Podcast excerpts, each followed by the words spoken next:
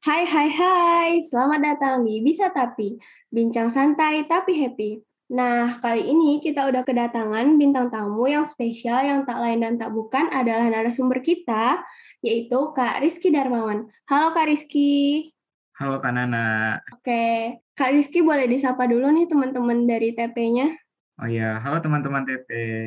Hai, salam kenal semua. Nah, uh, untuk kegiatan Kak Rizky akhir-akhir ini ada ngapain aja sih? Akhir-akhir ini ya, ya emang lagi sibuknya sih sekarang kan emang semester 7 ya. Kebetulan semester 7 itu ya udah mulai sibuk PLP sih yang paling yeah. utama. Kegiatan yang paling utama itu PLP sih pastinya ya. Gitu. Jadi emang sekarang nih akhir-akhir ini lagi fokusnya ya emang udah kegiatan PLP aja sama mungkin aku masih ada tanggung jawab di salah satu magang gitu ya magang di salah satu ya adalah gitu pokoknya di bagian Wah. learning and development gitu magang di mana nih masih kak? ada tanggungan satu ada pokoknya ya mungkin emang gak terlalu terkenal sih tapi aku pengen nyari ilmunya aja di sana gitu ya itu uh, ya akhir-akhir ini karena aku emang gak mau ambil sibuk di semester ini ya karena emang PLP itu kan juga berat apalagi kan ditambah mau sempro Bentar kan lagi sempro ya. Iya, yeah, jadi kayak ribet banget gitu loh. Kayak kalau misalkan aku ikut banyak kegiatan ini itu itu itu nanti bakal pusing. Oh iya sih satu lagi aku di akhir-akhir juga selain sibuk uh, eh, PLP sama magang satu lagi itu aku uh, masih apa ya ada tanggung jawab di PMW gitu. Kemarin kan aku alhamdulillah lolos pendanaan UNIF gitu kan. Dan aku oh. lagi ngembangin usaha jadi kemarin juga kan uh, ulang tahunnya UNESA itu aku juga jualan kan biar, karena emang mahasiswa PMW wajib jualan di sana. Dan ya akhir-akhir ini juga lagi ngembangin bisnis itu gitu karena kan juga mau dibuat laporan PMW nanti. Wah banyak banget ya kegiatan Jadi, Kak Rizky. Ya, ya, Udah siap nih untuk sempro Kak? Iya, aman uh, Bismillah aja lah ya doain. Karena emang agak-agak bingung juga sih nyari-nyari apa apa masalah-masalah gitu. Kan kebanyakan juga media dan aku memang rencananya gitu kan aku nggak pengen ngambil media sih sebenarnya kan udah banyak banget yang ngambil media dan aku pengen mm -hmm. cari beda gitu loh aku pengen kayak oh pengen beda dari yang lain ya iya karena aku emang kurang suka aja sih di media. Oke. Okay. okay. Nah, Kak Rizky kan banyak banget nih kegiatannya. Ngomongin tentang kegiatan Kak Rizky ini, kan kita relate banget nih sama tema kita kali ini, yaitu produktif atau toxic productivity. Nah, menurut Kak Rizky, bedanya produktif sama toxic productivity itu apa sih? Uh, gue lihat itu ya kayak produktif produktif kan cara dapetin hasil yang diinginkan tapi hmm? uh, dengan sedikit waktu dan usaha gitu kayak lebih efisien dan efektif aja tapi itu yeah. tujuannya tuh jelas dapetnya kayak gitu misalnya kayak hari ini gue mau ngelakuin olahraga nih mumpung kosong 10 menit aja gitu hmm Dan tujuannya tuh buat badan sehat kan. Ya itu berarti yeah. namanya iya. produktif. Hari itu produktif dia kayak ngelakuin olahraga walaupun yang cuma 10 menit gitu kan ibaratnya ya tapi tetap dia ngelakuin karena tujuannya dia pengen sehat di hari itu. Udah gitu. Mm. itu produktif gitu tujuannya ada tujuan. tapi kalau misalkan uh, tapi kalau misalkan dia toxic productivity ya setahu gue itu kayak dia tuh terobsesi gitu untuk mengembangkan diri dan merasa selalu bersalah kalau misalkan dia nggak ngelakuin banyak hal. Kayak misalkan gue ikut pengen ikut ini nih gue pengen ikut ini gue pengen ikut ini gue pengen ikutnya segala macam dan akhirnya tuh dia nggak tahu sebenarnya tujuannya ke mana. Jadi kayak oh, toxic iya, productivity ibaratnya produktif yang secara berlebihan gitu loh. Iya ya. Ngerti gak? Kayak ya udah. Dikit ambisius dia, juga ya. Terus, mm -mm, sebenarnya kayak dia mau produktif tapi produktifnya dia itu berlebihan makanya kayak mm -mm. dibilangnya toxic productivity. Jadi oh. kayak tujuannya apa, keinginan tuh apa nggak balance gitu loh. Jadi kayak ya banyak banyak keinginannya ketimbang tujuannya tuh sebenarnya di awal tuh apa kayak gitu loh. Nah, nah, kan tadi Kak Rizky ini udah ngomongin tentang kegiatan-kegiatan ada magang, PLP, mau sempro, sama ada PMW juga gitu kan. Nah, mungkin dari banyaknya kegiatan yang Kak Rizky jalanin nih, pernah ngerasa nggak sih kayak jatuhnya tuh ke arah yang mana gitu? Apa yang udah Kak Rizky lakuin ini uh, produktif atau malah merasa kadang toxic productivity gitu? Pernah di suatu ketika gitu ya, kayak gue sambil kuliah, sambil freelance juga sambil ikut kegiatan apa gitu kan. Gue sih uh, bilang itu produktif karena gue kan ngambil waktu di sela-sela antara kuliah gitu. Dan itu tujuan gue dapet pas itu karena kan emang gue tuh tujuannya kayak pas itu di semester berapa gue lupa deh pokoknya gue tuh kuliah tapi gue juga pengen banget uh, ngehasilin duit gitu kan buat jajan wow. sendiri gitu kan ya udah yeah. akhirnya kayak gue ikut freelance ikut ke beberapa kegiatan dan ya emang tujuannya apa yang gue inginan dapet dan kuliah nggak ganggu kuliah gue juga kok gitu loh. Mm-hmm. makanya itu kayak maksudnya produktif. Tapi pernah juga sih kayak toxic productivity itu bener-bener ketika gue tuh kayak nafsu gue tuh kayak bener-bener ini banget gitu loh. Gue pengen brutal ini, ya. itu brutal banget. Kayak ya udah kayak eh gue pengen daftar ini seru banget. Eh gue pengen daftar ini ini. Pada akhirnya itu kayak ya Allah bener-bener gak produktif. Jadi kayak bentrokan banyak banget jadwal ini ini mm-hmm. itu akhirnya akhirnya gue tuh kayak langsung uh, izin ke kan ada pas itu gue ikut magang ikut ini ikut itu kayak gue izin kayak keluar gitu. Karena emang gue nggak sanggup lagi karena emang dulu tuh gue ikutin hawa nafsu gue gitu kan. Keren gue tuh kayak bakal gue uh, harus nyoba ini harus nyoba ini akhirnya kayak gue tuh pernah satu ketika suatu ketika itu nggak nggak sanggup ngelakuin hal itu karena bentroknya itu banyak banget. Dan ya udah akhirnya pas salah satu itu gue mundurin diri rumah uh, mundurin diri dari uh, beberapa yang gue lakuin pada saat itu gitu jadi kayak nggak berjalan dengan sempurna gitu. Kalau misalnya produktif kan uh, gue tuh emang ngelakuin sampai akhir. Tapi ini kan kayak gara-gara pas itu gue banyak ikut kegiatan ini ini itu dan emang keinginan gue banyak dan nggak bisa ngatur waktu tujuan gue tuh sebenarnya ke mana gue juga bingung ya udah akhirnya gue memutusin untuk uh, resign lah ibaratnya dari beberapa kegiatan itu itu pernah kayak pernah di kal, pernah gue kalanya di produktif pernah juga kali gue di toxic productivity gitu. Oh gitu, berarti uh, dengan banyaknya kegiatan Kariski, tapi Kariski pernah ngambil uh, apa, ambil suatu keputusan untuk keluar dari hal itu ya?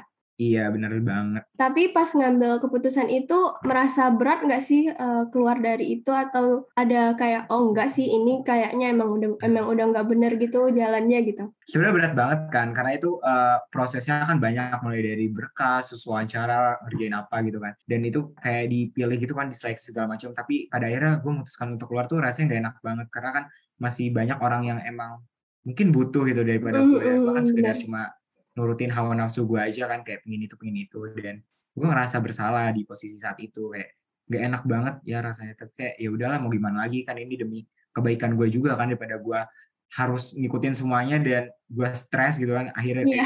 gue jadi jatuh sakit segala iya. macam kan itu jadi bingung gitu juga kan. Jadi kayak ya udah gue mutusin untuk buat ya gue harus bisa memprioritaskan nih mana kebutuhan gue mana yang keinginan gue gue ingin. Itu kayak ya udah.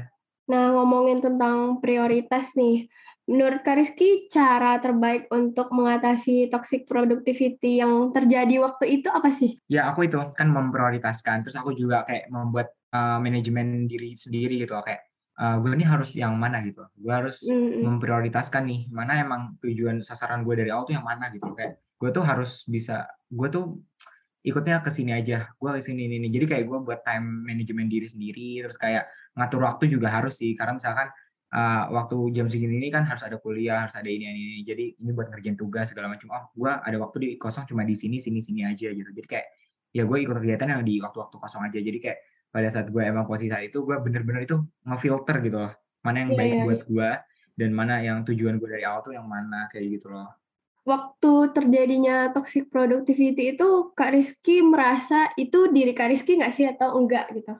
Kayak ya kadang itu tuh bener-bener iya sih kadang gue kayak nggak sadar itu diri gue kok gue banyak banget kegiatan gue ikut kayak ini ini ini tapi ya akhirnya tuh ketika emang bener-bener capek segala macam itu kayak gue udah udah nyadar nih ayo kita apa ya bisa lah istirahatin diri sendiri gitu ayolah gitu.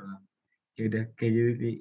Nah, menurut Kariski juga nih, kira-kira apa aja sih faktor yang bikin-bikin orang tuh pengen uh, produktif tapi jatuhnya tuh malah toksik gitu loh?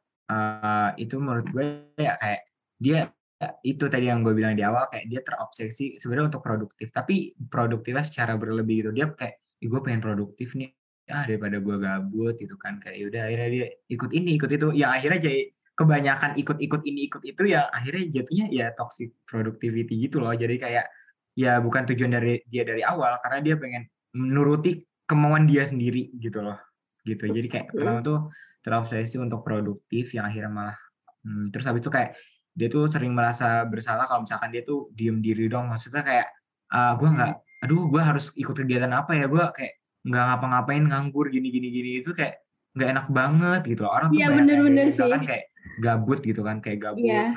bener banget kan kayak Iya, yeah, ngapa-ngapain iya, gak enak banget sih. Ya, elah gue kayak gabut itu ngapain gitu. coba kayak, gitu ya. Dia tuh kayak iya kayak aduh ngapain ya? Gue harus ikut ini harus kegiatan terus kayak nggak pernah ngerasa puas gitu loh kayak gue ini gue ini ini nih ya kan? Nggak pernah merasa bener, puas bener, gitu, bener. Kan? terus sama uh, sama satu lagi sih mungkin karena ini ya faktor media sosial juga. Kadang kan kita lihat story teman kita produktif banget nih anak gitu kayak ih keren banget sih bisa ngasilin ini di usia segini. Ih keren banget sih ini. Jadi kayak apa ya iri lah bahasanya ya iya gitu. ya bener iri iri obsesi banget. Uh, kayak ngeliat temen tuh temen kita di SW atau di story IG atau segala macam kayak keren banget gini-gini gue pengen dong jadi kayak dia harus gimana ya harus gimana kayak ya udahlah bahasa kasarnya iri kayaknya kayaknya ya gitu ya. Iya. Itu sih menurut gue orang terobsesi jadi kayak jatuhnya malah toxic productivity gitu tapi Kak Rizky uh, pernah nggak sih merasa kalau diri Kak Rizky tuh ngasih toxic productivity untuk orang sekitarnya? Misalnya nih, Kak Rizky ngerasa kayak, uh, misalnya Kak Rizky ada lagi kegiatan, terus Kak Rizky post, terus kayak, eh kalau misalnya aku masukin ini di story, orang ngerasa aku tuh terlalu produktif atau toxic nggak sih gitu untuk orang lain gitu? Kadang uh, aku juga ini sih, memfilter mana yang baik, mana yang buruk pada saat berkegiatan gitu kadang emang aku nggak nggak terlalu suka untuk memposting tapi aku kadang kadang itu juga pernah memposting beberapa gitu karena kan aku juga bangga dong masa ya kali nggak bangga kalau misalnya aku Iyalah. ikut kegiatan ini ikut kegiatan itu kayak iya makanya makanya aku tuh ya kalau aku upload story biasanya tuh di second akun karena aku nggak mau di first hmm. akun karena kan kalau second akun itu di Instagram ya terutama second akun itu kan kayak lebih temen kita yang udah kita kenal aja gitu loh. Kalau yeah. first kan kayak general gitu loh, kayak banyak yang, yang follow dan segala macam. Dan aku makanya aku berani posting itu cuma di second akun sama di SW story WA dan story WA pun aku filter. Jadi beberapa itu aku hide gitu termasuk satunya mungkin ya kayak ortu, dosen dan yang lain-lainnya gitu lah. Dan aku emang khususkan buat apa ya ke orang-orang yang terdekatku aja gitu dan aku nggak mau ya ria atau sombong segala macam lah. Dan aku nggak pengen dibilang ih keren banget. Enggak jadi cukup teman-teman deketku aja yang tahu konten aku berkegiatan. Aku nggak nggak suka gitu sebenarnya memposting di first akun atau secara general tuh. Kecuali emang mungkin aku di tag atau segala macam itu nggak apa-apa sih gitu loh Iya, dan juga hmm. kata orang nih, first akun itu kayak tempat untuk nge-branding, terus second akun itu cuma untuk tempat kayak seru-seru happy-happy untuk orang yang... Iya, seru-seruan, kayak ya, kayak alay-alay kita lagi iya, bener. kan biasa kita alay-alay ya, kita iya. di situ. Karena emang kita semua, jadi ya nggak apa-apa, kita mau alay, mau norak, mau pamer, biarin aja. Karena itu kan teman-teman kita juga, teman-teman iya, bener yang tahu gitu kan. Soalnya emang first, ya. karena aku emang lebih enjoy ketika emang upload di first, eh, second akun. Oh iya. Nah, terakhir nih, menurut Kak Rizky nih, apa solusi yang cocok untuk menghindari pengaruh buruk dari toxic productivity dari media sosial? Oh, dari media sosial ya. Kan biasanya kalau misalnya di media sosial, kayak kita lihat postingan-postingan atau story yang tadi udah gue bilang tuh kayak, ya pastinya ada rasa iri, terus kayak ingin kita pasti ingin banget gitu loh, kayak gue harus bisa nih kayak dia nih segala macam nah kita tuh ya mau nggak mau harus memprioritaskan gitu mana iya, kebutuhan yeah. bukan keinginan gitu karena kalau misalnya kita nurutin keinginan nggak bakal ada habisnya cuy gitu iya kan. bener banget Jadi ya benar-benar harus bisa harus bisa memfilter gitu loh mana kayak kebutuhan kita sebenarnya tuh apa gitu tujuan kita tuh apa hmm. gitu jangan berdasarkan kayak keinginan aja dan kayak pengen dilihat orang gitu jangan yeah, kita hmm. harus bisa prioritaskan uh, kayak gitu sih menurut gue. Terus, kalau misalkan make berprofesional kayak gitu. Hmm. mungkin juga Kenapa? menurut Kak Rizky uh, gimana cara nge-set goals untuk bisa tahu ini keinginan tahu ini kebutuhan gitu? Ya kalau misalkan mau filter gitu kayak mana keinginan mana kebutuhan. Ya ya dari awal sih ditetapin dulu tujuan kita tuh mau ke mana. Pasti dari tujuan itu kan kita bisa lihat oh tujuan gue misalkan pengen jadi apa terus gue harus ikut ini karena ini but gue butuh nih misalkan uh, eh, gue nih gue pengen misalkan ya tujuan gue gue pengen jadi learning development nantinya ketika kerja misalkan. Mm -hmm. nah gue harus ikut magang atau volunteer yang kaitannya dengan learning and development gitu kan. Jadi gue butuh tuh butuh magang yang emang uh, memfasilitasi gue ilmu-ilmu akan tentang learning development gitu kan. Jadi kan gue butuh kan. Nah kecuali kalau misalkan kita uh, tujuan kita tadi kan learning development ya kerja. Terus kita tuh ada yang nawarin volunteer di bagian marketing atau apa segala macam. Kita tuh pengen ikut aja gitu. Itu kan kayak kurang realistis aja gitu kan. Harusnya tuh kita mau ke mana tapi arahnya jadi ngaco gitu loh. kadang oh, tuh emang pernah gue juga kayak pernah banget gue kayak gitu kayak gue tuh pengen banget di learning development tapi ketika ada tawaran magang yang dapat duit tapi di, bukan di bagian yang gue butuhkan itu gue yeah. tertarik dan gue ikut gitu loh kayak ya iya makanya jadi kayak itu tuh kan jatuhnya malah jadi toxic productivity gitu kan. Jadi kayak bukan kebutuhan kita sebenarnya cuma itu keinginan kita aja buat dapetin duit. Tapi padahal sebenarnya ilmu yang pengen kita dapat tuh sebenarnya di mana gitu kan kayak ya gitulah iya benar-benar wow terlalu panjang dan kalau misalnya ngomongin toxic productivity ini terlalu luas dan sangat-sangat uh, relate sama kehidupan kita ya ternyata kak. Bener banget, bener banget. Hmm, nah, menurut kakak nih, uh, gimana cara anak-anak muda itu bisa atau apa nih uh, bukan bukan.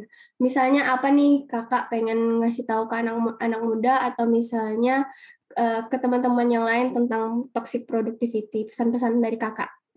Ya intinya itu aja sih yang gue pengen jadi lo harus uh, ngelis dulu tujuan hidup lo tuh buat tujuan lo buat apa sih? Kayak gitu. tujuan lo ingin ke mana arahnya ke mana? Dari situ lo ntar bisa jabarin dari tujuan lo itu mana yang har lo harus prioritaskan gitu loh. Lo butuhkan gitu untuk apa mencapai tujuan atau target hidup lo gitu loh. Jangan lo memenuhi hawa nafsu lo ya keinginan lo karena kayak keinginan itu nggak bakal akan ada habisnya gitu. Pasti selalu mau mau mau dan mau. Jadi kayak menurut gue ya harus bisa gitu memprioritaskan gitu loh. Oke ingat pokoknya harus bisa memprioritaskan ya kak. Nah, untuk kali ini mungkin sampai di sini aja Kak. Bincang-bincang kita udah banyak banget nih kita ngomongin tentang produktif dan toxic productivity. Uh, mungkin makasih juga untuk Kak Rizky Darmawan udah berbagi banyak pengalaman mengenai magang, mengenai PLP, mengenai toxic productivity yang pernah Kak Rizky Darmawan yang alami, apalagi dengan produktif produktif yang pernah kegiatan kakak ikutin. Nah mungkin bisa uh, disapa dulu sebelum terakhir nih ke teman-teman suara TP.